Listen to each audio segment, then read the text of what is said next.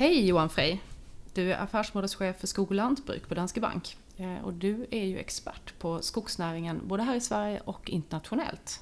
Välkommen till Curious Minds! Hej Katarina, tack!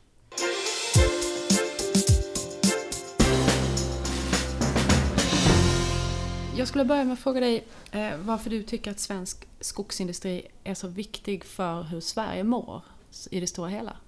Ja, alltså skogsindustrin är ju en av basnäringarna som kanske får alldeles för lite uppmärksamhet i mediabruset.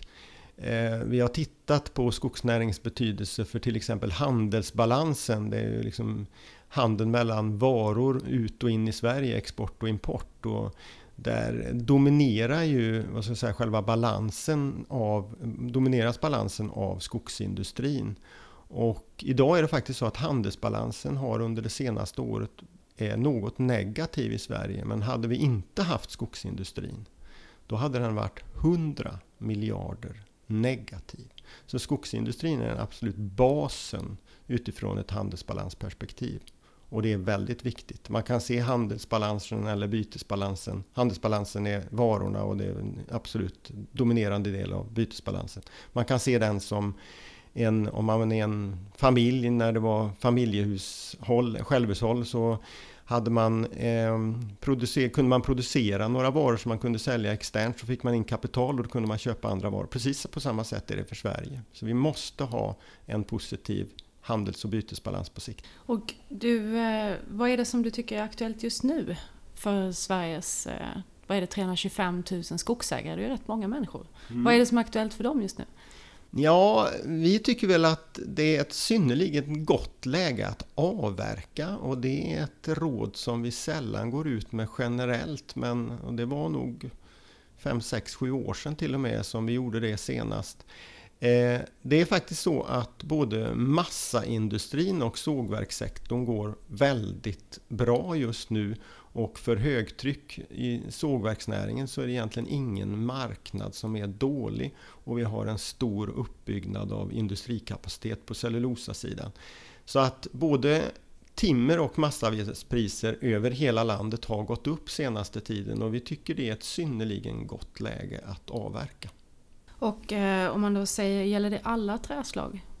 alla träslag. Nu är det ju så enkelt i Sverige att vi egentligen bara pratar om tre stycken och sen så pratar vi om timmer och massaved. Och det, när det gäller då timmer först så är det ju egentligen bara gran och talltimmer. Talltimret har sjunkit de senaste åren men kommit tillbaka lite grann nu. Och eh, det är dock inte tillbaka på de nivåer som var för, ett, för liksom 5-6 år sedan.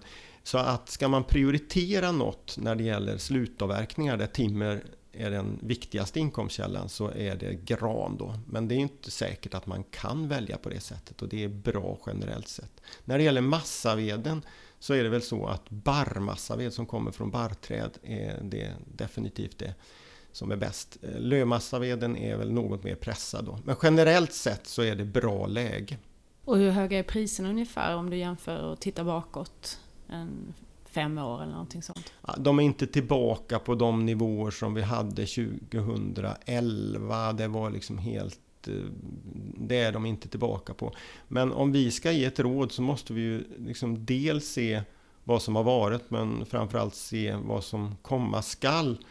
Och det är faktiskt så att sågverkskonjunkturen där, som, där timret går åt Eh, den har gått upp nu, varit på uppåtgående när det gäller prisnivåerna i mm, över ett och ett halvt år nu. Och det är ungefär så långt som de här uppgångarna brukar vara. Så det är inte självklart att vi har samma goda situation nästa säsong. Va? Och därför så ger vi det här rådet. Och jag tänker också på det här med den svenska kronan gentemot framförallt då dollar och pund. Mm. Hur ser du på det? Ja, det har ju varit en kraftig, mycket kraftig kronförstärkning de tre senaste månaderna här.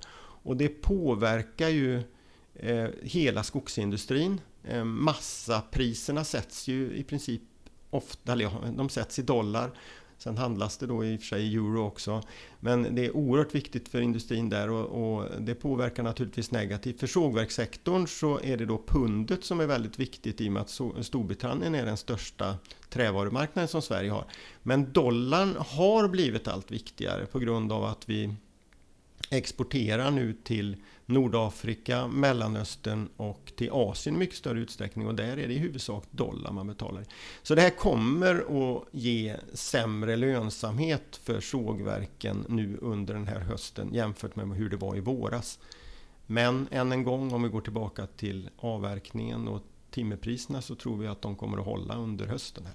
Och om man säger att utbudet ökar väldigt mycket av grundvirke, när är liksom marknaden mättad kan man säga då?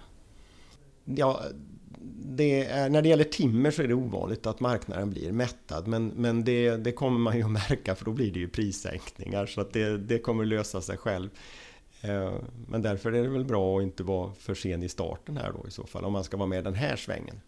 Har du något eh, gyllene, gyllene råd till eh, skogsägarna i Sverige? Vad ska de tänka på nu då om de vill öka sin avverkning? Eh, ja, det finns många gyllene råd, men just nu känns det väl som att eh, prissättningen är lite oklar i stora delar av landet och, och det gör ju då det finns en mängd, vilket är vanligt här när det är en prisuppgång, att det finns en mängd olika premier och tillägg och det gäller ju att försäkra sig om att man får alla dem så man får rätt pris. Det är mitt råd till skogsägarna.